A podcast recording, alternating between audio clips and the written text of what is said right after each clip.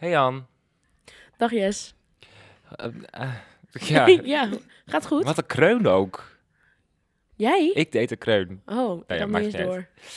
Nee, jij doet dat niet meer door ondertussen. anyway, hallo allemaal, lieve mensen. Wij zijn terug in de studio. Terug in de studio. Nou, best wel een lange pauze. Ja. Ehm, nou ja, voor jullie niet, voor ons wel. Ja.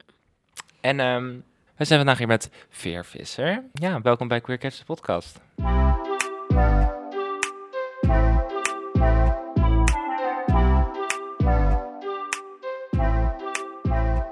Hello everybody. Hallo. We zitten hier vandaag in de Tolhuistuin. Uitzicht over het ei. en eh, ehm, we zitten hier vandaag dus met Veer.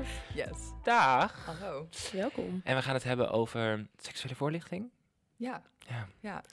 En over wat jij eigenlijk doet.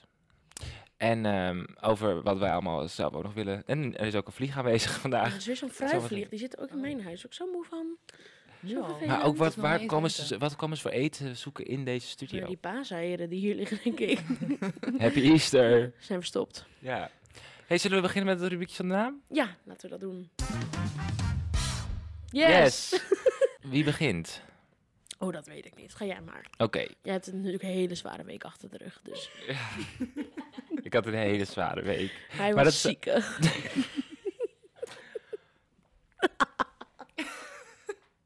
Het is zo, het is zo gemeen dat, dat, dat... Nou ja, het grappige wel is, is dat ik Mhm. nog ook heb, meestal, ik heb ook een beetje gereflecteerd, hè, want ik ben nooit ziek en nu ben ik alleen maar ziek. En ehm, toen was ik dus aan het kijken van waar komt dat dan door, Ja. Oké? En toen Ja, zei iemand tegen mij, ben je gevaccineerd? Toen was het zo van, shit, ja, nu gaan we het krijgen. Nou moet ik alleen maar aangehoord dat ik dus alleen maar ziek ben omdat ik vaccinaties heb genomen. Dat is toch niet... Dat is... Nee, maar het is wel heel makkelijk om te zeggen. Ja. Toch? Zeg maar voor antivaxers. Ja, dat een Oh ja, ik weet het pinpoint al. Is. Oh, het komt daardoor. Daardoor komt... Ja, precies, Ja. dat bedoel ik. Nou, maar dat is het niet, denk ik. Nee, dat is het niet, denk ik. Dit ligt gewoon aan het weer. Ja. Kan. Maar heb je nog je Oh ja. naam op? Ja, ik had een, eh, ik had een, ehm, ik had een douchegedachte. Ehm, en het is, maar het is een beetje een open vraag. Dus ik dacht, ik bespreek het even met jullie, hier aan tafel. Ehm, want ik zat zo te denken, maar wat moet je doen met toxic vrienden? Weghalen uit je leven? Ja, maar Ja. Dat, is, dat is dus zo moeilijk eraan. Als je gewoon weet op een gegeven moment, ook om, uh, omdat als je, bijvoorbeeld je zit al in een, in een vriendengroep en je weet gewoon één van die mensen, daar haal je gewoon geen voeding uit. En integendeel, de voeding is zelfs een beetje giftig. Oh. Wat moet je doen? Ja, het thema, of thema, het concept friend breakups is natuurlijk, het bestaat, maar we zien het niet zo vaak in de media. Er Nee. is nul representatie voor friend breakups, of Nee. überhaupt eigenlijk hoe vriendschapsrelaties beginnen en eindigen. Ja, Mm. Ehm, maar ja, het is wel belangrijk, denk ik, dat je voor jezelf zorgt. En misschien ook wel voor de vrienden om je heen die er ook last van hebben. ja, maar wat als je dan de hele tijd wel nog met diegene moet zijn? Want je zit in dezelfde vriendengroep. Terwijl je wil eigenlijk niet uit die vriendengroep. Het is allemaal heel... Ik bedoel, dit, dit is niet eigen ervaring, hoor. Ik wil niet, ik wil niet vrienden met Anne. Wil jij iets op inbrengen? Nou, nee. Eigenlijk is dit een interventie. Ik ga het gewoon hier doen. Ik ga het nu doen. Je bent gewoon niet Ik ben er gewoon Ik ben mee. toxic. Ja. Oké, dat begrijp ik. en dat is jouw gevoel. en niet die van mij. Nee. Oh. I'm sorry Maar- you feel that way. Ja, sorry, je vindt oh, hey. Maar ik snap, het is namelijk heel lastig, omdat je ook, zeg maar, stel dat je met die persoon dus eh breakt, dat je die niet meer wilt zien, dan, en die mensen vinden die persoon wel leuk, uit die vriendengroep, dan heb je ook een probleem. Ja. Dus hoe dan ook breek je iets in die vriendengroep. Je kan niet, Ja. en dan het enige wat je, wat je kan doen is je afstand bewaren. Dus gewoon Ja. zo min mogelijk contact als je met de vriendengroep uit eten gaat. Niet naast diegene gaan zitten. Eh, als je, weet je wel, gewoon op die manier. Ja, ze zouden inderdaad meer representatie over. Want ook in films en zo is het met vriendschap altijd dan. Oh, ze groeien uit elkaar, maar ze komen ook weer terug bij elkaar. Ja. Terwijl dat is gewoon niet echt realistisch. Meestal groei je uit elkaar en dan ben je uit elkaar gegroeid en spreken elkaar niet meer. Ja. Afstand nemen, dat is mijn tip. Zoveel hè? mogelijk. Ja, waar je kan. En als het echt heftig echt, wordt, eh, confrontatie aangaan, waar ik heel goed in ben. Ik ben daar heel goed in. Ja, jij aanvullen. wel, Ja. daarom. Oké, bedankt. Ja. Ja, dit Ja. was ook een soort van therapie-sessie Ja. meteen. Thanks. ik stuur, stuur Dus maar een tikje later. gedachtentherapie. Ik heb eh, daarentegen iets uh, superluchtigs. Oh, joh. Namelijk, mijn gaat over popcorn. Oh. Ehm, Lekker. even kijken of ik dat... eh, ik heb een screenshot gemaakt, Zout maar is zoet? nu... Allebei. Gemixt. Oké, ja. Maar ook gemist in de, in de bak. Gemixt in de bak. Ja. Vraagt Ja. naar de Ja. Ja, Zeker. Jawel, want dan heb je zo die, die zoete smaak met het zout en dan een beetje crispy. Of in plaats van gewone zoute popcorn, doe je zoute popcorn met gistvlokken. Want ik ben wel vegan. Maar dan smaakt het alsof er kaas op zit. Oh. Perfect. Talking about de gistvlokken. Ja. Can I, can I, can I get a... Ja joh, waarom niet? Ik was... Neem het mee ja. uit. Ah, maar ja, ik hoef niet. Ja. Jouw podcast, niet voor mij. Dit was iemand die was vegan. Ja. En die zei, ik stop overal gistvlokken overheen. Ja. Het zijn gistvlokken. Ik heb nooit van gehoord. Ja, wat is het precies? Het is gewoon, zeg maar, gistcellen, die, eh, daar maak je een cultuur van. En dat droog je dan en dan wordt het een soort van vlokken. En die Mhm. vlokken die kun je dan over eten strooien, bijvoorbeeld over pasta. En dan smaakt het als kaas. Ja, Oh, Beetje, en het smaakte dus echt beetje notig. Ja. eh, ja. naar kaas. Oh, te gek. Nee, nee, het is echt een beetje, ja, het is Poederig. poeder. En waar koop je dat? Bij de Oh, ja. Ecoplaza, zeg maar. Ah. Duur. Maar, ja, het is wel, het is wel aan de prijs. Maar het is wel een groot Maar- bakje. En je kunt het ook volgens mij eh, bij... eh, en er Oh. zijn plenty of online winkels die het verkopen. Ah ja. Dus dat Ja. is ook wel een voordeel. Oh, te gek. Maar dat is dus de beste kaasvervanger. De beste kaasvervanger, ja, dat is sowieso lastig. Maar goed, ik ben nooit echt een kaaseter geweest. Oh, dat Ik hou wel heel erg van Parmezaanse kaas en van mozzarella. Mm. Ik heb iets met Ita- Italiaanse kazen. Ja, Eh, en die mis ik ook wel echt. Mm. ja Ehm, ik, maar ik heb wel eens een, eh, een, nep, een nep Parmezaanse kaas gemaakt van eh, cashew en eh gistvlokken dus. En dan iets met zout en peper erin. En dan Mhm. smaakt het echt best wel als Parmezaanse kaas. Ik heb Oh. een lepeltje aan mijn vader gevoerd en die zei, oh, dat is lekker parmezaan. Ik zei, ah, yep, ja. Aha, ja, Oh. pap, yep. I got you. Ja, ik zou dus, ik zou, Pap, als je luistert. ik zou, nooit, ik zou dus gewoon nooit vegan kunnen zijn, omdat ik dus echt zo fan ben van kaas. Ik ben wel al lang vega. Zo. Ik ben wel al lang vega. Even Niemand saving face hier. Wie eet er hier wel vlees? Oké, mijne. Ja. Mijne is ook, eh, ehm, ja, ik weet niet of je het een douchegedachte mag noemen, omdat het was, Was niet het onder in het, de douche? Het was niet in de douche. Maar het is, meer, het is meer een, een douchegedachte. Oh, I don't care. Ik ga het gewoon doen. Ehm, we hadden popcorn dus. En Oh, ja. ehm, je hebt twee verschillende soorten popcorn. En dan vraag is welke je lekkerder vindt. Je hebt de rondjes, weet je wel? Dat het een soort op een, een mushroom lijkt. Dus dat, dat, dat, eh, ik laat zo een foto zien, maar voor de mensen die luisteren. De mushroom. Ik ga De de mushroom. mushroom. En je hebt de... de dus een, ze noemden het hier de, de butterfly shaped. Maar ik vind het op een Ja, ja, octopus ja. lijken. Oh, Ja, de octopus is inderdaad Dus beter. dit is de foto erbij. Oh. En Ja. dan de vraag is, welke Ja, maar, vind je lekkerder? ja, maar luister. De, de dit- butterfly, of niet? Nee. De luister, mushroom. maar dit is het ding. Ehm, de mushroom is vaak zoet Ja. en die andere is vaak zout. ja, Dat Nee. is volgens mij het verschil. ik denk dat het te maken heeft met wat je erop doet tijdens het poppen. Ja. Maar wat vind je lekkerder als structuur om in je mond te hebben? Ja, ik denk dan toch die andere. De, de ook octopus. De octopus. Jij? Weet- ja, ik ben gewoon lekker non-binair. Ik wil, ik wil kiezen. Gewoon allebei tegelijk. Allebei tegelijk. Ja, ja. oké. ja, ik, ik vind ook de, de octopus. Ja, wel hè? Ja, ja. Ja, omdat je, die Met kan die je ook een beetje zo... Octopus. Die smelt een beetje op je tong. Yes. Yes. Dan eh, gaan we door naar het vragenvuur, toch? Dat denk ik wel. Ik ben er klaar voor. Ben je ready? Ja, Ja? denk ik. Oké. Komt-ie. Start de tijd. Nu. Dit is geen tijd. Ehm, wat zijn je pronouns? Daar beginnen we altijd even mee. Eh, hen, hun of die dienst. Helemaal goed. Eh, dan gaan we door naar de moeilijke vragen. Mhm. Kruidvat of etels? Kruidvat. Blauw of rood? Blauw. Onder of boven? Maar wat boven? Tuin of balkon? Balkon. Open haard op, of vuurkorf? Open haard. Hond of kat? Kat. Koud of warm? Warm. West of oost? Oost. Groente of tomatensoep? Groente. Vroeg of laat? Laat. Donker of licht? Licht. Zwemmen of zonnen? Zonne. Witte wijn of rode wijn? Wit. Open of dicht? Open. Tattoo of piercing? Both. Moet kiezen. Oké, tattoo. Oké, dat was hem. Yay. Heb je tattoos? Ja, ze Hoeveel? zijn allemaal heel goed verstopt. Eh, het Oh. zijn er 1, 2, 3, 4, 5, Wauw. 6. Ja, 6. Wauw. Hebben ze allemaal ook betekenis? Ja. Ja, vind ik Ik toch heb, leuk. eh, de eerste die ik had was op mijn voet toen mijn opa overleed, als een soort van herinnering aan mijn opa. Ja. Eh, daarna had ik er eentje op mijn rib voor mezelf. Een quote van John Lennon, You may say I'm a dreamer, die ook heel goed bij me past omdat ik erg ADHD heb. Altijd een dromer geweest.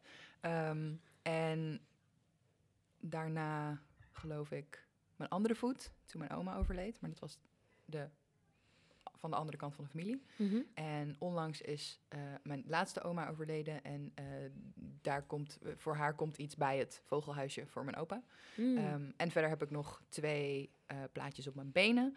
En mijn bovenbenen. En dat is eentje voor mij en mijn beste vriendin. En eentje, ehm, nou ja, dit heeft eigenlijk niet zo heel veel betekenis. Dat is de enige misschien die ik Oh. gewoon dacht van... oh, dat is een tof plaatje, die wil ik graag.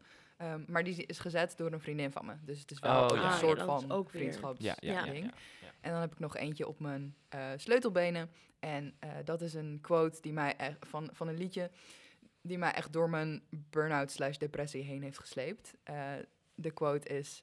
I'm not a bird with a broken wing. I just felt like walking for a while.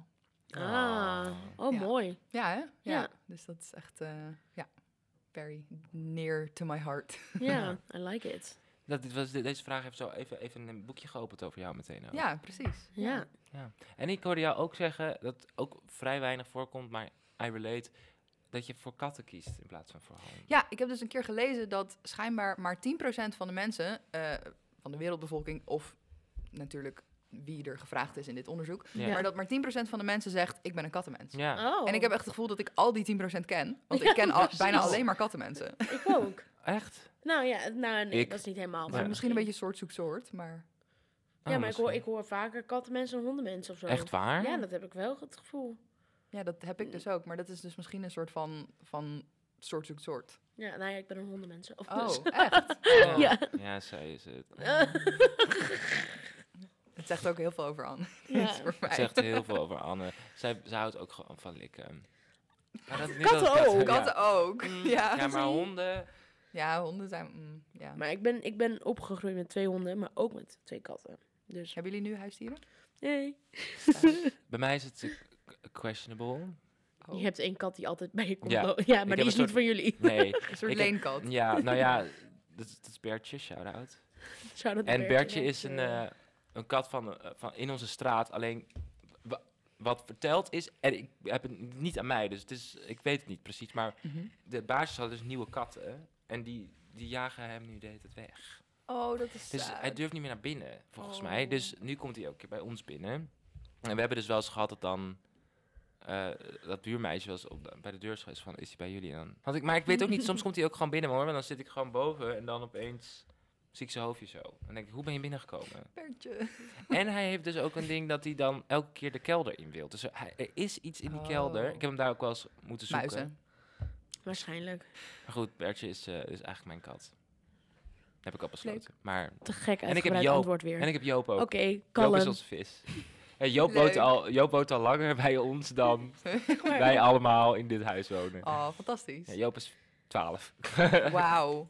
Dat is best oud voor een vis. Ja, en hij is ook, hij is ook een beetje de, de ster van de show bij ons thuis. Nee. Ja, dat, En ik heb daar heb ik Gijs. ook geen verklaring voor. Oké, nu is het Gijs? klaar. Ja. Maar laten we het even over jou hebben. Ja, laten we het even over jou hebben. Ja, Oh, ja, Want daar ben ik hier voor, toch? ja dat lijkt me wel. Lijkt me wel. Ja, je hebt- soms denk je van, het is het een Jesse-podcast? Maar dan, dat, dat moet je dan gewoon maar proberen te negeren, Ik hoor. ook gezellig. Ja, Ja, maar het gaat over jou. ja Want oké. eh, wat, wat doe jij zoal in het dagelijks leven? Ik, ehm, eh, als ik mezelf voorstel en zeg wat ik doe in mijn leven, dan zeg ik, ik ben ehm sex educator of Mhm. freelance sex educator op dit moment zelfs. Ehm, en dat betekent dat ik, eh, nou ja, seksuele voorlichting, maar ik gebruik zelf altijd het woord seksuele vorming, eh, geef op heel veel verschillende scholen en andere plekken. Ehm, en dat doe ik voornamelijk met eh, Stichting Sex Matters, die hier in Amsterdam zitten. Maar ook nu voor mezelf, veersvoorlichting. Ik heb ook een website. Veersvoorlichting.com. Ehm, en ja, ik, ik doe zelf heel, vooral heel veel dingen op maat. Dus als een school echt iets heel specifieks wil hebben... of een docententraining met een, een specifieke hulpvraag... bijvoorbeeld over eh non-binaire leerlingen... of überhaupt genderdiversiteit eh, onder de leerlingen... ehm, dan ga ik daar een, iets voor verzinnen voor ze. Mhm. Ehm, maar soms als scholen vragen van... ja, we willen gewoon iets meer weten over gender of over seksualiteit. Dan zeg ik, oké, ga maar naar Sex Matters. En dan vraag je wel eh, vraag je aan hen of, eh, of ze een workshop kunnen geven. En dan kom ik wel mee. Dat vind ik natuurlijk ook wel leuk. Ehm, dus ja, en eh, ik geef nu les aan heel veel verschillende leeftijdscategorieën. Echt van tien tot, nou ja, oud. Ehm, zowel dus op de basisschool zijn we nu met Sex Matters ook les aan het geven. Eh, en middelbare school natuurlijk. En ook op mbo's. En sinds een jaartje, denk ik nu, ook op universiteiten.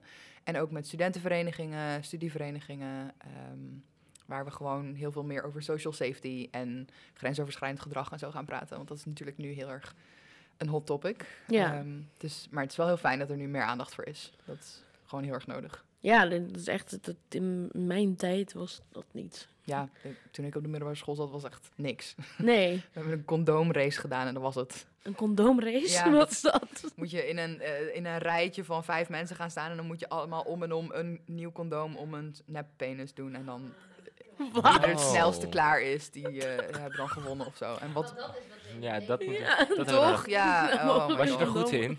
Nou, het stomme was, er werden dus maar tien mensen uitgekozen uit de klas die het mochten doen. Want er waren, er waren twee groepjes van vijf. Die er- ja, en ik, ik dacht, nou, dit hoeft voor mij niet. Je hebt het niet eens mogen doen. Nee. Nee, ik werd veel te nerveus voor, man. Dacht ik, oh my god, de pressure van vooraan de klas staan. En, Wie denk je Oh. dat, dat van de- aan deze tafel zou winnen met die race?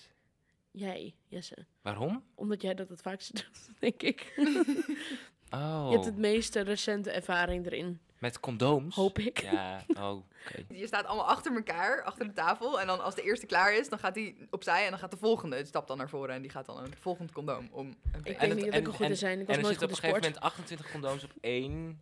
Nee, want je haalt hem er ook af en dan maak je er een knoopje in. En helemaal zo netjes zoals Oh, het je moet hoort. helemaal het hele ja, ja, ding ja, doen. het hele, het hele riddeltje. Oh, Behalve dan minus de seks. Maar het Dat is dan weer ik zit jammer. zo te denken is van... wel in de klas. zit op een gegeven moment 28 condooms. Wel zonde van die condooms. Ja, Ja. ontzettend. Ja. Ja. het is echt, oh, waste. Ook gewoon, like, oh, maar goed. Slecht voor het Ik milieu. zit te denken, wat hebben wij dan? Al dat glijmiddel overal in, op Oh. de biologietafels. Bleh. Maar Stinken die handel. Ja. ik, ik weet hem, wij, wij kregen een boekje op school. Op de middelbare school. Van, bij biologie kregen wij een boekje. En dan was het een soort van een strip, maar dan met foto's. Dat was Lang Leven de Liefde, of niet? Dat zou goed kunnen. En dan moesten we dat ook voorlezen. Dus het was, dat vond iedereen dan heel gênant. Oh, ja. Dus er werden ook rollen verdeeld. Oh. Dus jij speelt nu het jongetje en jij het meisje, want jullie gaan seksen, want heteronormatief. Dus Ja. dan was het zo, oh, en dan moesten zij dat voorlezen en dan was het Ja, zit iedereen natuurlijk helemaal te lachen. Ja, Ja. was dat is ook niet iets wat je leerlingen moet laten voorlezen. Nou ja, goed. Nee, maar wat denk je dat, wat is, nou ja, je weet het. Wat is de, wat is denk, nee, wat is de manier om dit met middelbare scholieren te doen? Want, of überhaupt basisschoolscholieren ook, denk ik. Ja, nou, het, het allerbelangrijkste is natuurlijk dat je het contextadequaat doet. Dus voor een basisschool gaan we het niet over seksstandjes hebben. Nee. Eh, maar met een middelbare school vinden ze dat wel weer interessant, want dan kijken ze ook al naar porno en dan weten ze allemaal daar dingen over. Dus dan kun je Ja. het daar wel over hebben. Ehm, dus dat is één. Het moet altijd eh contextadequaat zijn. Mhm. En ik denk twee, dat je gewoon positief en open moet zijn. Want seks is leuk. Mens, de meeste mensen doen seks voor de leuk. Eh, in ieder geval de meeste keren dat ze seks hebben. Soms doe je, het, doe je het voor een baby. En dat is waarom je bij biologie leert over seks. Omdat het baby's maakt, soms. Mhm. Ehm, maar ja, dat, het- dat het dus meer een soort van positieve, dit is leuk boodschap is. En die ontbreekt gewoon heel erg in de, in de biologielessen. Ja, En nu komt er gelukkig wel steeds meer verandering in. Dat er ook meer, nou ja, zoals bijvoorbeeld Sex Matters, maar ook eh Lang Leven de Liefde, wat ik net zei, vanuit de GGD en Sens en zo heet Nederlands, geloof ik. eh, die, die hebben een lesmodule gemaakt die je op scholen kunt gebruiken. En daar zit nu ook gender in en seksuele diversiteit. En eh, het gaat ook over consent en ook over SOA's en een beetje alle belangrijke onderwerpen. Maar dan ook wel weer op een positieve manier en inclusief. Dus Hmm. dat is ook gewoon heel belangrijk. Want leerlingen nu, die zitten allemaal op TikTok. En die weten allemaal wat alle 72 verschillende genders eh, op Facebook eh, betekenen, zeg maar. Niet dat Mhm. iemand, iemand nog op Facebook zit, maar er is gewoon zoveel meer taal bekend nu. Dus die, die leerlingen die kennen dat eigenlijk bijna allemaal. Ehm, maar ze kunnen er nooit, voor hun gevoel, met volwassenen over praten. Dus als je dan naar een klas gaat en je zegt van... joh, hè, ik bijvoorbeeld, ik sta dan voor de klas en zeg... hoi, ik ben Veer, ik ben non-binair, kom met jullie praten over gender. Nou, honderdduizend vragen. En dat is gewoon leuk. Ja. Want dan sta ik daar en dan laat ik zien... hè, voor de, degene die non-binair alleen maar kennen van... hè, de, de, de, nou ja, ik wil geen vervelende stereotypes herhalen, maar een beetje wat de aandacht in de media die dan negatief is. dat, Mhm. ze kennen of alleen dat, of er zijn weer leerlingen die denken van, oh ja, dit is allemaal prima en iedereen moet gewoon lekker kunnen zijn wie ze zelf zijn. Maar ze hebben allemaal vragen erover. En ze zien dan van, ja, non-binair is niet de enige eh, identiteits, het enige identiteitslabel dat iemand heeft. Je, je bent ook nog mens, je, bent ook, je houdt ook van katten en eh, hè, allemaal Ja. dat soort dingen. Dus, en dat, dat is gewoon heel belangrijk, dat je, dat je het echt vermenselijkt. Ehm, dus dat over gender sowieso. En over seksualiteit is het natuurlijk gewoon ja, heel open erover praten. Als we eh, een brainstorm doen met leerlingen, dan eh, schrijven we op eh, wat hoort er bij seksualiteit. En dan zegt iemand meteen neuken. En dan schrijf ik op het bord neuken. En dan zeg ik, nou, en wat hoort er nog meer bij? En dan zie je leerlingen met een mond vol tanden. Oh, er valt niet te chockeren. Oh, oké. Nou, dan doen we maar serieus. En dan is Oh, het ja. ook gewoon heel erg Nou ja. leuk eigenlijk. Ja, en toen ik zelf in de tweede zat en eh, seksuele vorming kreeg, of seksuele voorlichting toen, toen was het echt maar één moment. ehm, dan, ik had wel een hele leuke docent en zij schreef op de, we hadden toen nog echt zo'n zo'n zwart, niet een, een whiteboard, maar een blackboard, zeg maar, echt een, Ja, een krijtbord. Krijtbord. En op de ene flap schreef ze vagina bovenaan. Op de middelste, het grote gedeelte, schreef ze geslachtsgemeenschap. En op de derde stond penis. En wij mochten als klas alle verschillende woorden die we kenden voor eh, vagina, geslachtsgemeenschap of penis, mochten we laten opschrijven. En ze schreef alles op. En ik heb echt toen dingen gehoord waarvan ik dacht, Hm. What the hell. En ik heb het later in mijn leven nooit, like, diep zee duiken voor geslachtsgemeenschap. Sorry, maar wat? Vind ik Oh. leuk. Dat ga ik vanaf nu zeggen. Diep zee duiken, ja, Diepzee I don't know. Ja, Waar duik je dan in? nou ja, in, de- in de diepe zee. Dus, maar goed, echt al die duizend verschillende woorden. En toen was meteen eigenlijk een beetje de, de, de druk van de ketel, weet je. Dus toen Ja. konden we er ook veel serieuzer over praten als klas. Dus dat was wel heel erg belangrijk eh, om te doen. En ik denk dat dat ook heel essentieel is, dat je gewoon inderdaad niet zo super strak bent op... nee, je mag alleen maar penis zeggen, weet je. Als je een keer piemel Ja. zegt, prima. Ja. ja. Als je alleen maar door de klas gaat roepen, oh, lul, ja, dan is het een ander verhaal. Maar ja, Zo vraagt dus wat de vragen zijn over nomina eh, nominaliteit. Ehm, de meeste leerlingen willen graag weten eh, hè, ho- hoe je geboren bent. En dan leg ik uit dat dat een vraag is die je niet zomaar moet stellen aan iemand. Eh, Mhm. dat dat niet zo'n hele nette vraag is. Maar omdat ik hier nu ben als docent of als workshopgever, zeg maar, dan ga ik het wel even vertellen, omdat ze er wel gewoon heel erg benieuwd naar zijn. Ehm, dat en ook, eh, hoe voelt dat dan? Dan zeg ik tegen een leerling bijvoorbeeld, als het een jongen is, dan zeg ik, nou, en hoe voelt het dan om jongen te zijn? Ja, ja daar heb je ook eigenlijk niet echt een goed antwoord op.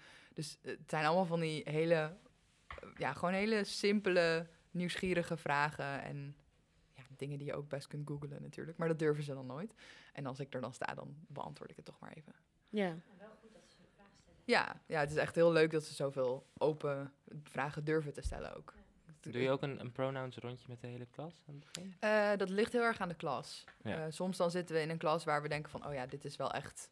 Hè, dit, zijn leerlingen die hier al heel veel van weten en die vinden het ook belangrijk.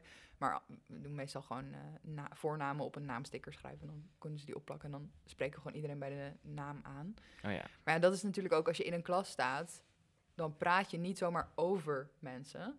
Ehm, dus je praat alleen maar tegen mensen. En als je tegen mensen praat, dan zeg je je en jij. En niet Ja, ja, ja. aanwijzende voornaamwoorden. Ja. Weet dat, geloof ik? Ik heb geen Mm. Nederlands gestudeerd. Ja, per- ja, persoonlijke voornaamwoorden. Maar is je en jij niet ook een persoonlijk voornaam? I don't even. Nederlands. Niet ik. Ja. Moeilijk. Not me. Ik was duidelijk meer geïnteresseerd in biologie op de middelbare school. Ik had namelijk laatst een eh, gesprek met iemand die echt, die is, eh, die is ook docent, tegen pronouns vragen is. Gewoon echt Waarom? niet, die wil het gewoon niet doen. Ja, omdat diegene merkte dat eh, in diens groepen vaak dan mensen eh, ermee wegliepen. En vond ik, een, vond het een Hoe inter- bedoel Ja, dus dat dus mensen dan... ehm, ik vraag namelijk wel altijd, als ik voor een groep sta, doe ik het altijd wel. Ook omdat ik denk van, we, we, zetten een, we, zetten ook meteen een soort van openheid naar elkaar toe. Namelijk, je doet echt een rondje en, je, en ook zo van, oké, dit is een- iets waar je respectvol mee omgaat. En, eh, en ik vind dat gewoon heel mooi passen in een lesprogramma of zo. Maar, ehm, maar ja, diegene merkte dus dat soms eh, dan, dan mensen erover na gaan denken en dan ermee, zeg maar, dan gaat zeggen, oh, dan ben ik dat ook. Of, dan, of, of dit, dit. Terwijl ik zie daar nooit per se een heel probleem in. Nee, want je wilt toch dat kinderen in de middelbare schoolleeftijd gaan experimenteren met wie ze zijn. Dat is toch het hele punt van puberteit, je identiteit uitzoeken. Ja, Ja, Dat lijkt mij wel. lijkt mij in ieder geval een fijne optie om te hebben als kind. Maar goed. Ja, dat is, maar dat is sowieso alsof, alsof het daarvan afhangt. Dat als iemand anders zegt, eh, mijn pronouns zijn die, eh, die dienst, dan dat jij dan ineens denkt, oh, die voor mij ook. Als, want dan zit al, dat al in je hoofd, denk ja, ik. waarschijnlijk Ja. wel. Dan is dat niet iets wat on the spot. En al is het zeg maar, ik weet dat, dat tieners kunnen wel zo zijn van, oh, wat jij hebt, dat wil ik ook, ik wil ook zo zijn. Of, maar dan is dat niet iets wat, dan kan dat dus inderdaad Ja. even zijn, of die les. Of de, en, maar wat is er ook erg aan? Als Ja, iemand daarover nadenkt en daarover na wil Nee, ja, dat, dat- ik weet, ik, ik ben het er ook niet mee eens, maar wat diegene gewoon merkte was dat er dan soms dan mensen heel erg mee gaan, ehm, ja, mee gaan pronken of zo. En dat daar daardoor dus de mensen die, die, dat, die daar niet mee pronken zich een beetje ondergesneeuwd voel- voelden. Mm. Dus dan zijn ze zo van, ja, ik, eh, ik, ik, eh, ik ben al drie jaar bezig om dat te onderzoeken. En nu zijn er opeens twee mensen die vandaag hebben besloten, ja, ik zie ook niet, eh, not everything is a competition, Joyce. maar Maar aan de andere kant, want die, het, iemand die zich dus al drie jaar hierover aan het, eh, aan- aan het zeg maar, inlezen, eh ge- gedachte-experimenten aan het doen is, die weet natuurlijk niet wat iemand anders voelt, die op één dag zegt van, Ja. oh ja, nu, nu wil ik ook die dienst. Misschien heeft die andere persoon ook wel al jaren erover nagedacht, maar Ja. nooit gedurfd, totdat er iemand zei, oh, mijn pronouns zijn die dienst. En wat is ook het probleem met als je hele groep non-binair is? Ja, lijkt mij hartstikke Ja. gezellig. Ja, Ik denk ook eigenlijk dat er stiekem veel meer mensen zich zouden identificeren als non-binair als het gewoon meer bekend zou zijn wat non-binair eigenlijk is. Ja, Want ja. niemand voldoet aan alle genderstereotypen van man of vrouw. Like, nee. Wie? nee, totaal niet. Ik ken niemand hoor. Nee, nee dat, is, dat is ook een heel ding. Iedereen zegt nu dat door TikTok er zoveel mensen, meer mensen non-binair zijn. Denk ik, ja, dat is ook eh, niet een goed statement. Want Nee. die waren er al.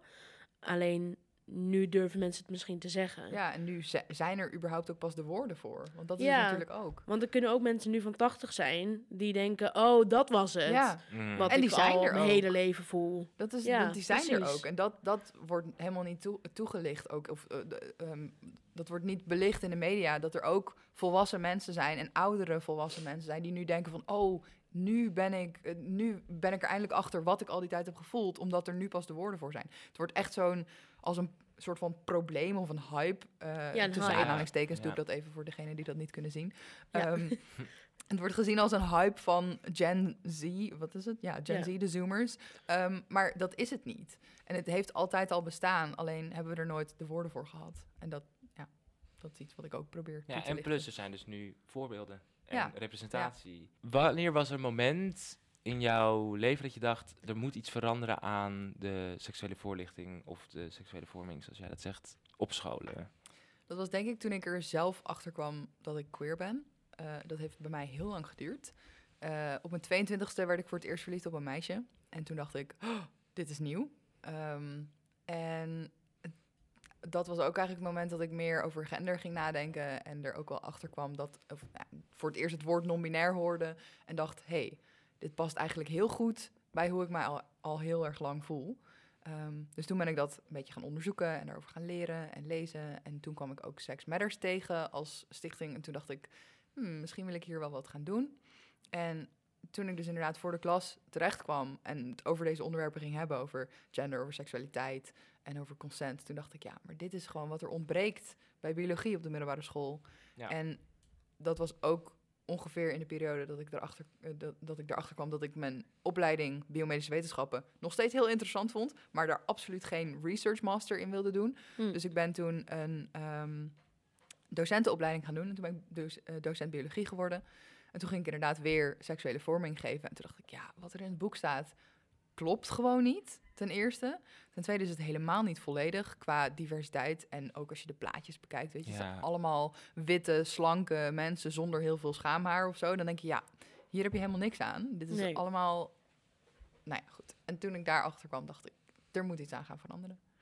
En Ja. dat was, eh, denk ik, in 2017 of zo. 2017, 18. Ehm, ja. En heb je toen een heel eigen lesprogramma ontwikkeld? Of, of heb je, ben je wel gaan samenwerken met dus Sex Matters? Of hadden zij al plannen liggen? Ja, Sex Matters ehm, bestaat al sinds 2013 en volgens mij geven ze sinds 2016 workshops. Ehm, ik ben niet heel lang daarna ook gestart bij Sex Matters. Dus maar wel met een set van drie bestaande workshops die we natuurlijk over de jaren wel allemaal verbeterd hebben met het hele team. Dus dat is ook echt heel tof. En ook het pakket uitgebreid. Dus we geven nu ook op de basisschool en ook ehm, specifiek voor bijvoorbeeld leerlingen van een MBO die ehm, als, als vluchteling hier gekomen zijn of ja, hè, ja. de- met Nederlands als tweede taal. Dus dan hebben we de taal aangepast, maar ook een beetje meer cultuursensitief eh, onderwerpen besproken. Ehm, Wat houdt dat in, cultuursensitief? Ehm, dat je. Nou, we gaan wel eens naar een klas toe waar eh, bijvoorbeeld voornamelijk islamitische jongeren in zitten. En als we dan zeggen, eh, wij zijn Sex Matters en we komen met jullie over seks praten, dan is het, eh, nee, dat mag niet, dat is haram en dat kunnen we nu niet doen. Oh ja. Dus dan, dat is, op, op zo'n moment moeten we natuurlijk anders brengen. En dan praten we meer over relaties en vormen van relaties. En wat is romantisch en wat wordt gezien als... ehm, hè, wat is het verschil tussen een vriendschapsrelatie en een romantische relatie? Hm. Dus dan zetten we het meer daarop in en niet zozeer op de seks. Want dat is gewoon te taboe en daar kun je Ja. het niet met hen over hebben. Ja. Sommige leerlingen vinden dat wel heel interessant hoor. Dat is ook wel grappig om te zien. Ehm, een vraag die we heel vaak krijgen van eh, islamitische jongeren is... eh, wanneer ben je ontmaagd en wanneer niet? Dus wat kun je wel doen bij seks wanneer je het, om nog maagd te blijven of zo? Oh. En dat is een heel interessante, ehm, ja, een heel interessante vraag. Want er zit natuurlijk heel veel achter. Want eh, die, die, die leerlingen, het zijn eigenlijk nog kinderen vaak, eh, die willen wel heel graag seksuele handelingen doen met hun partner bijvoorbeeld. Maar ze weten ook dat ze voor het huwelijk nog maagd moeten blijven. Dus dat is, dat is een heel interessante eh, ja, cultuur, ja, religie-ding eigenlijk. Want mensen met, eh, die christelijk zijn hebben dat ook. Eh, dat zie je in Amerika bijvoorbeeld heel veel. Dat, ehm, dat ze de loophole hebben verzonnen voor de Bijbel. ehm, dat je wel anale seks kunt Ja. hebben en geen vaginale seks. En dan ben je officieel nog maagd. Ja, Ehm, maar niet als je gay bent, want dan is anale seks Ja. natuurlijk sodomie en dan mag het niet. Ja. Dus dat is echt allemaal, ja goed, ik, ik heb daar mijn meningen over, want ik ben niet religieus, niet religieus opgevoed, dus ik heb daar helemaal niks mee. ja. Ehm, maar het is wel interessant om te zien dat religieuze leerlingen daar dus wel vragen over hebben. En eh, mag ik wel vragen wat je antwoord daar dan op is als ze dat vragen? ja, dat ligt een beetje aan de intentie van de vraag. Want soms Hm. dan zijn, er, zijn er leerlingen die gewoon benieuwd zijn naar de verschillende seksuele handelingen. En soms dan is het echt een soort van... dat je het gevoel krijgt van... oh, zijn ze nu aan het peilen van wat, wat ze al hebben gedaan? Zijn ze nu nog maagd? Of, Ah. hè, en Ja. ja. technisch gezien is het antwoord... maagdelijkheid is een belachelijk verzonnen concept. eh, eh, en he- hebben we helemaal niks aan. Maar ja, dat kun je natuurlijk niet aan hen als Ja. antwoord geven. Ehm, en wat seks is, dat mag je ook lekker zelf verzinnen. Sommige mensen vinden naakt knuffelen als seks. Andere mensen die vinden dat je dan... I don't know, per se aan iemands geslachtsdelen moet zitten pas seks. Dus dat Ja. verschilt heel erg. En dat, dat- ja, het is dus ook... allemaal maatwerk. Ja, dan niet een duidelijke antwoord. Nee, maar is dat is het ook niet. Nee, daarom precies. is het ook een, Ja. een moeilijke vraag. En daarom Mhm. is het ook een gek concept. Dat het niet... Ja. Sommigen geloven zo van, je moet maagd... Ja, wat houdt dat in Ja. dan? Ik had een keer ergens gelezen, iemand had eh, getweet, geloof ik. eh, maagdelijkheid is een concept dat is verzonnen door mannen die zichzelf zo belangrijk vinden dat ze het gevoel hebben dat hun penis de waarde van een vrouw verandert. Nice. Ja. ja. Ja, Ja, mannen als sociale klasse. Ik bedoel, Ja, ja, maar goed. ja, Ja, het nou, is, ook in individu. maar het is dan Ja. ook een... een eh, dat- nou, wat ben ik erachter gekomen? Misschien een paar maanden geleden. Een... eh, een eh, misschien ga ik iets doms zeggen. Oh, Ga ik weer controversial. Ik ben docent, hè. Is viraal op. TikTok. ja. Anne zegt iets, Anne zegt iets controversials. Onbedoeld. Nee, maar dat, dat, dat maagdenvlies, Ja, dat dat Ja. niet echt is? Nee, ja. Dat is, z- nou ja, theoretisch gezien is dat een controversieel statement, maar het klopt wel dat het niet bestaat. Maar Ehm. dat het er gewoon ni- niet is. Of wel is, maar niet... Het echt. doorbreekt niet. Nee, Toch? de Dat vagina is niet afgesloten. Dat kan niet, want anders dan zou je er ook geen tampon in kunnen doen. Dan kun je niet ongesteld worden. En Nee. dan kun je dus, eh, dan moet je dus op je twaalfde al trouwen als je, eh, nou ja, goed. Maar dat, technisch verhaal. Eh, maar ja, de biologie van eh, de vagina de vulva is zo dat er inderdaad, er zitten allemaal ehm, folds en, en eh, huidplooien. En sommige mensen hebben een wat ja, dikkere huidplooi daar, die bijvoorbeeld kan scheuren als er iets, iets in de vagina gebracht wordt. Mhm. En dat kan een penis zijn, maar dat kan ook een tampon zijn. Dat kan ook gebeuren als je bijvoorbeeld aan het sporten bent, als je yoga doet of als je splits doet of whatever. Ehm, als je eh, gaat paardrijden, dan kan door wrijving zo'n huidplooi al wat scheuren.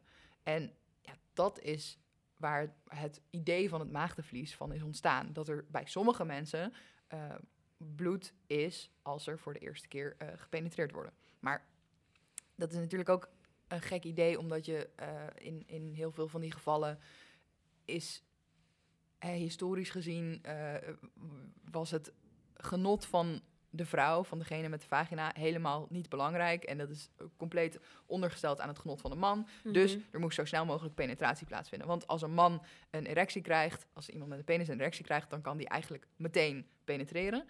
Maar iemand met een vagina die nog niet zo opgewonden is, die kan niet meteen gepenetreerd worden.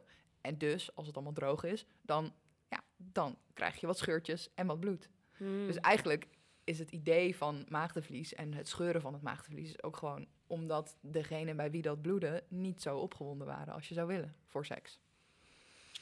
En there comes the ape out the mayo. Nee, maar dat vind ik, dat kom ik dus een paar maanden geleden achter. Volgens mij zei jij het tegen ja, mij. volgens mij zeker. En toen ja, was ja. ik echt zoek. En dan denk ik, maar dat is ook iets waar je dan als vrouw, eh, of nou ja, gewoon als, als mens, weet ik veel, echt mee kan zitten. Ja, ja dat je dan denkt, oh, het is bij mij al weg of zo, want ik heb tampons gebruikt. Dat was ook een ding op de middelbare school. ja. Zo van, ja, maar als je grote tampons gebruikt, scheurt je maagvlies. Wat? Dat is Ja, echt ja. gezegd. ja, maar dat, dat, Tenminste bij mij, dat is een keer iemand zei dat, toen was ik echt Putten. gestrest. Ja. Jij dacht, dat- welke heb ik er allemaal ingestopt? Shit. Maar dat komt natuurlijk ook door, door hè, het, dat dat idee van, van maagdelijkheid tot aan het huwelijk in religie zo sterk is. Dat je dan ja, in heel veel culturen zie je dat gewoon nog heel erg terugkomen. En ook de boodschap die over het maagdenvlies gegeven wordt in de biologieles is ook heel belangrijk. Want als je het meer op een soort van antropologische manier bespreekt, hè, het, het idee, zoals ik het net besprak, van ja, dit komt uit het idee van eh maagdelijkheid voor het huwelijk, misschien in religie of Mhm. cultuur. En wat je ziet is dat als een, eh, als een vagina te droog is om gepenetreerd te worden, ja, dan kan er wat bloed komen. Dus eigenlijk is het niet een goed teken van goede seks als Nee. je eh, bloed Nee. bij de eerste keer. Is het dan, is het nu al wel, heb je het gevoel dat het beter is op scholen dan toen jij op school zat? Ja, dat vind ik heel moeilijk te zeggen. Ik denk het wel. Ehm, nou ik weet vrij zeker van wel, maar dat heeft niet alleen met schoolmateriaal te maken. Dat heeft ook te maken met ehm, alle, nou ja, bijvoorbeeld de, de gastdocenten die door scholen worden uitgenodigd, waaronder ikzelf en Sex Matters en eh, maar ook bijvoorbeeld Dance for Life of eh, mensen van de GGD of het COC. Hè, Er zijn heel veel meer opties eh, voor scholen om gastsprekers uit te nodigen ja. ehm, of een gastles aan te vragen. En dat is sowieso al goed. En dan heb je natuurlijk ook hè, Lang Leven de Liefde, die ik al genoemd had, ehm, waarin gewoon heel veel diversiteit en inclusiviteit ook wordt laten zien ehm, aan leerlingen. Ehm, wat ook meer een, een open en positieve noot geeft aan seksuele vorming. Ja, en daarnaast natuurlijk dat de media nu gewoon veel meer representatie geeft en dat er Ja. gewoon veel meer bekend is over al deze dingen. En dat er minder daardoor taboe op rust. Ja. Ehm, ja, kijk, het- ik vind wel nog steeds stom dat het, het nou ja, nog steeds stom, het, is, het blijft stom, dat het meest gebruikte scheldwoord op scholen in Nederland nog steeds homo is. En oh. ja, dat is de afgelopen veel jaren niet veranderd. Ja. Ehm, op twee staat geloof ik kanker, dus dat is ook interessant. Te gek. Oh, ja. Ehm, maar ja, het, Nice. het, het is zo gek dat dat nog steeds bestaat. En ook op scholen. Hè, ik kom bijvoorbeeld ook wel eens op een, eh, een categoraal gymnasium. ehm, waar Een wat? Ja, oké. Een school met alleen een gymnasiumafdeling. Dus geen Oh, andere, heel- geen, heel geen slim. ateneum. geen- ja, hè, het, het zogeheten neusje van de zalm van Nederland. Hmm. Daar wordt ook met homo gescholden. En die kinderen weten donders goed dat homo zijn niet slecht is. Ja. En die vinden dat ook oprecht niet. Maar ze schelden nog steeds met Ja. homo. En dat, Mm. ze hebben niet door dat dat iets doet met iedereen om hen heen. En dat, dat is ook iets wat besproken moet worden. Ja. Ja, en dus gewoon, als ik je zo hoor praten, dan denk ik ook echt de hele tijd aan, nou ja, mijn biologieles, die waarschijnlijk ook helemaal niet per se heel goed waren hoor, maar omdat we dus dan moesten voorlezen. Maar volgens mij waren, was ook toen in, in die tijd ook gewoon de hele seksuele vorming gericht op mannen en heteroseks. Ja, Zeg maar, er was letterlijk, zeg maar, de, ja, gewoon Ja. de voorplanting.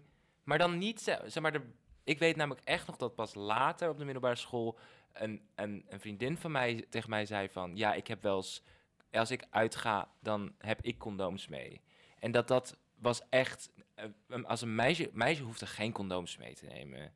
Dat is namelijk, dat is iets wat een man doet of zo, Mhm. weet je wel. Maar dat je betekent dus ja, maar dat is dus dan toch. En die voorlichting, die laat dat toch ook heel erg blijken. Want, Ja. want ook zeg maar. Ik heb volgens mij nooit voorlichting gehad over SOA's. Dat moet eigenlijk wel. Dat hoort wel bij de biologieles. Ja. Misschien heb je dat verdrongen. Dat kan. Ja, Dat is oké. dat klinkt wel als iets wat jij zou doen. Maar dat, Ja. dat hoort wel bij het curriculum van biologie. Dus het zal er wel in gezeten hebben. Maar, maar zeg maar. Er zijn echt zoveel meer SOA's dan ik ja. wist.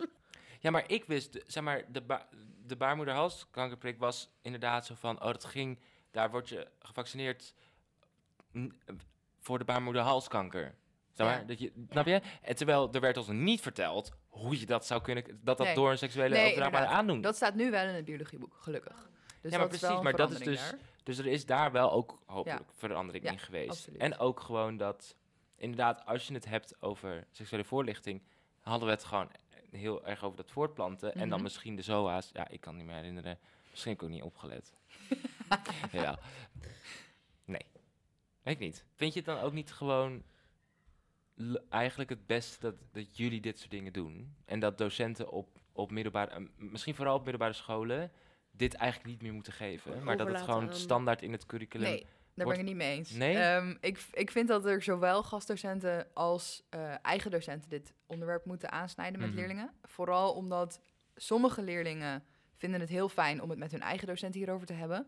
eh, omdat ze die docenten nog vaker zien, die kennen ze, hebben meer een vertrouwensband. En dus is het makkelijker om met ze erover te praten. Ja. Daarnaast kunnen docenten ook makkelijker eh, signaleren. Dus als er dingen fout gaan, hè, stel er is een, een loverboy in het spel of whatever, of ehm, nou ja, dingen als consent zijn heel erg belangrijk. Of ehm, nou ja, mentale gezondheid als het gaat om een leerling eh, die eh, trans of eh, homo of lesbisch of whatever denkt te zijn, dan is dat goed om in de gaten te houden. Dat kan een gastdocent niet, want die komt maar één keer Nee. op school. Oh, ja.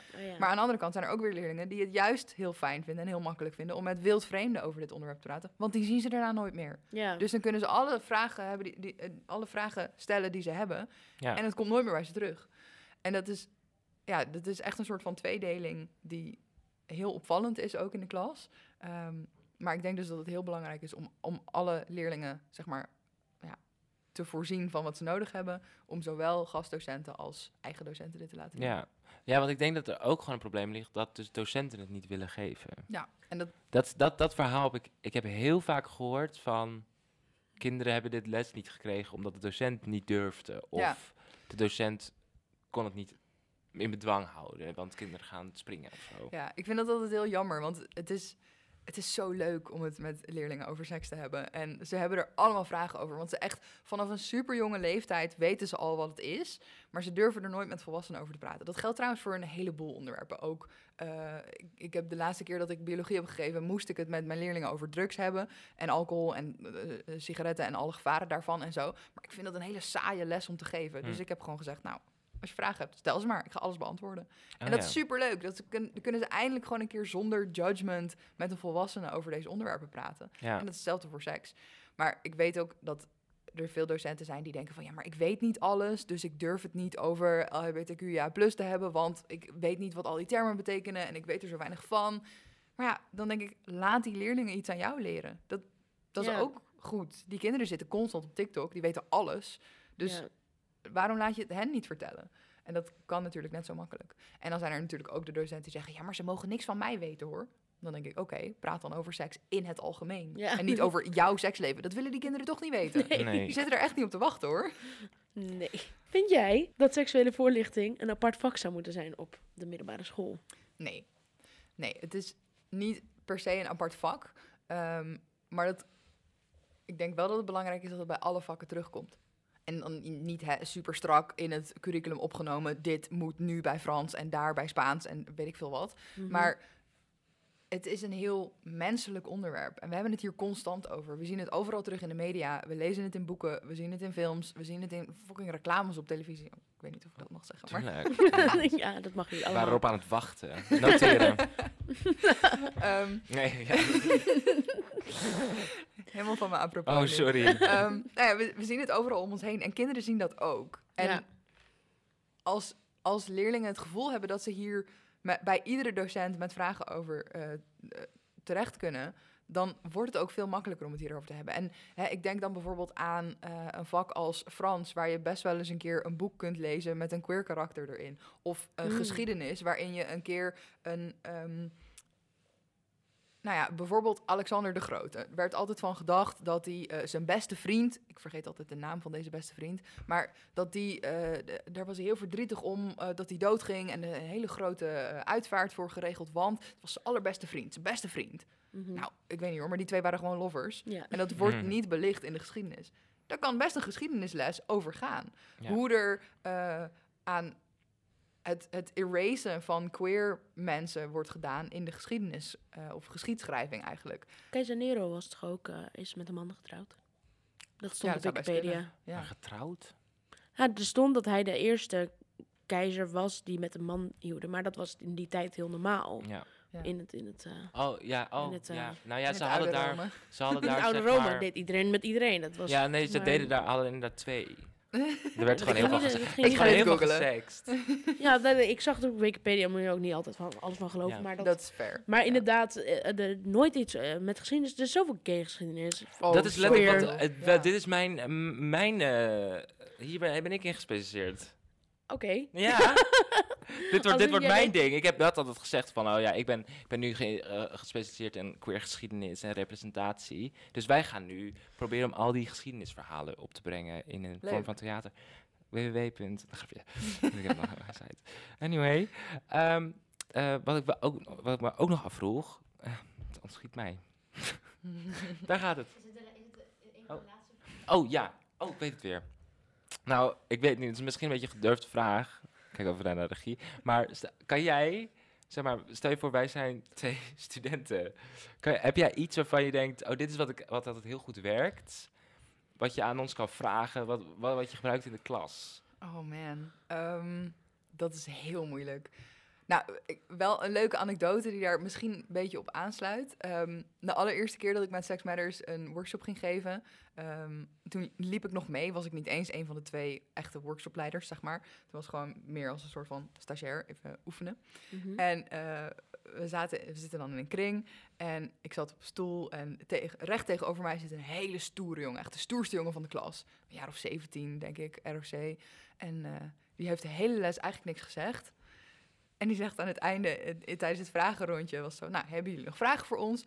En hij stelt de vraag aan mij. Heb je wel eens een kutje gelikt? oh my god. Wat. Ja, de, de audacity Oh. van deze man. Maar, en ik, ik zei dus tegen hem, ja, en jij? Oeh. En die had hij niet verwacht. Nee. Dus en toen zei hij, ja, ja, tuurlijk. Ik zei, oké. Wat vond je ervan? Ja, ik vond, ik vond het leuk. Oké, en wat vond zij ervan? Oh, eh, eh, weet ik eigenlijk niet. Nou, misschien een goede vraag om te stellen Ja. de volgende keer. Heb je wat aan? Oh, oh, ja, ja, ga ik doen inderdaad. nou, perfect. Nice. Dus het is meer een soort van... Ik, ik kom niet aan met een vraag voor leerlingen, maar het is meer gewoon... Ik reageer op de leerlingen. En dan... dan Beetje ja, improvisatie. ja, Maar het is wel erg het peilen cool. van, van het publiek natuurlijk. En dat, ja. Maar ja, je Nou, niet iedereen kan dat hoor. Dat is best wel knap dat je Nee, dat ik doe dit zo- ook al heel lang. Hè. Ik doe dit echt al vijf jaar of zo. Dat is dus gek. ik ben ondertussen pro. Yes. Is er, is, er iets, is er iets waar in de toekomst waarvan je naar kijkt en denkt... Oh, dat is, dat is een doel waar, waar we nog heen moeten. Of... Ehm, ik wil heel graag meer docententrainingen geven. eh, omdat ik dus ook denk dat het zo belangrijk is dat docenten hier Ja. ook comfortabel met leerlingen over kunnen praten. Ik denk dat dat gewoon het taboe heel erg wegneemt. En dat taboe zorgt voor heel veel eh, misconcepties en ja, het, ideeën die leerlingen hebben in hun hoofd. Bijvoorbeeld over het maagdenvlies. Bijvoorbeeld over wie zorgt er nou dat, dat diegene een condoom bij zich heeft of zo. Er zijn zoveel ideeën over die helemaal niet kloppen met de werkelijkheid. En die hebben we uit films en eh, nou ja, het biologieboek en weet ik veel wat we allemaal eh, aan media zien. Maar dat, dat is wat er moet veranderen. En dat kan pas als het gesprek open is. En dat gesprek moet door iedereen geopend kunnen worden, denk ik. En dat is Mooi. doel. Mooi, ja. Nice. Ehm, heb jij nog... Ik, ik weet niet... Moet even kijken. Zo, wat kijk je boos. Heel boos. word er een beetje opgewonden van. Doc- Docentenblik is dat. Pas op, hè? Docentenblik. Nou, gewoon... het- Oké, mami. Mami? Even zitten. Sorry, mami. Sorry. Ik wil hem kussen voor het eerst. Ik heb hem weggegooid. ja. Ik denk ook wel, het zit, het zit Ik eigenlijk... gleed het weg. Ik gleed het zo. Oh ja, dat is inderdaad niet fijn. Heb jij een geheim meegebracht voor ons? Ja, het is ehm, eh, een, een geheim, niet echt een geheim, maar meer iets wat mij de afgelopen tijd een beetje hopeloos eh, gevoeld heb eh, met wat er allemaal nog aan werk verzet moet worden, heeft me heel erg geholpen. En eh, ik heb er echt, ik heb pas twee, drie weken geleden of zo gelezen, maar dit is een tweet. Ehm, het is in het Engels, maar ik kan hem eventueel vertalen daarna.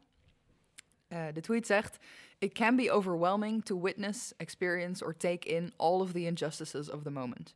The good news is that they're all connected. So, if your little corner of work involves pulling at one of the threads, you're helping to unravel the whole damn cloth. Dat was Mooi. voor mij echt zoiets van: oh ja, ik, ik doe wat ik kan. En dat voelt soms als niet genoeg. Maar wat ik kan doen, is wel genoeg. En Ja. het feit dat ik, er, dat ik het doe, dat ik elke dag, of nou, bijna elke dag, weer voor een klas sta en dingen ga vertellen over gender, over consent, over injustices en die probeer tegen te gaan, dat zorgt ervoor dat eigenlijk een soort van, nou ja, misschien wel domino-effect kan ontstaan. Nice. Ja, ik vind het heel mooi. Ja, Fijn. omdat ja, dat heb je soms echt nodig. Dat als je in een wereld van. eh, de, pff, ja, wa- wa- waar we het net nog over hadden, die bubbel. Dat je, wij Ja. zitten heel erg in een bubbel. En als je dan naar buiten komt, dan heb je ineens door van. Oh, dat is nog helemaal niet zo. f- Mhm. ehm, ehm, gaat nog helemaal niet zo goed als ik dacht in mijn Ja. hoofd. Ja. En dan is dit zo wel fijn. Zo van, oké, maar wat er is, is wel goed. En dat doet wel iets. Ja. En je hoort ook heel veel met de relevantie van, van vandaag, natuurlijk met de oorlog in Oekraïne, dat heel veel mensen zich daar dus ook. eh, dat, ze, dat ze super erg voelen dat, ze, dat, ze, dat er onmacht, dat ze niets Ja. kunnen doen. Ja. Ja. en dat, dus daar is het ook, ik denk dat het ook een hele relevante voor nu Zeker, is. ja, ik denk dat deze tweet ook daarom is geschreven, Oh ja, inderdaad. ja. Maar ja. voor mij was hij, ja, omdat ik toen ook zoiets had van, oh mijn god, en Oekraïne, en klimaat, en eh, alles tegelijkertijd. En toen las ik deze tweet en dacht ik, oh ja, Ja. ik doe genoeg. Ja. Ik Ja. doe wat ik kan en dat is genoeg. Ja. En dat is voor iedereen zo. Nou, dat vind ik een mooie afsluiter. Ja, bedankt voor het onthullen van je geheim. Graag gedaan. Oké, lieve mensen, dat was hem alweer voor vandaag. Ik ben heel blij om weer terug te zijn in de instituut. Ja, ik ook. Want wij hebben de vorige week thuis, thuis studio gedaan. Dat doen we niet nog een keer. Nou, als het moet, doen we het nog een keer. Maar Geen Queerona meer. geen corona-aflevering meer, als het even kan. Nee. Maar wij zijn volgende week eh, weer terug. En ehm Veer, hartstikke bedankt. Thank you. Thank you for being here. Kunnen mensen je nog ergens vinden? Wat is, wel, even snel de Oeh. promotie. Ehm, ja, veersvoorlichting.com is mijn website. Ehm, en ik ben eh, nog niet heel goed in veersvoorlichting op Instagram. Maar eh, ik wil daar wel meer mee gaan doen. Dus eh, Houd het in de gaten. ja, precies. Houd in de gaten. Volg, volg me maar leuk. Top. Dankjewel dat je er was. Thanks. Anne, bedankt. Joof, bedankt. Iedereen bedankt. Iedereen bedankt. Luisteraars bedankt. Tolhuistuin bedankt. Thanks. Hele fijne ochtend, Middag, morgen, middag, avond, avond. nacht. Nacht. Voor alle nachttijgers.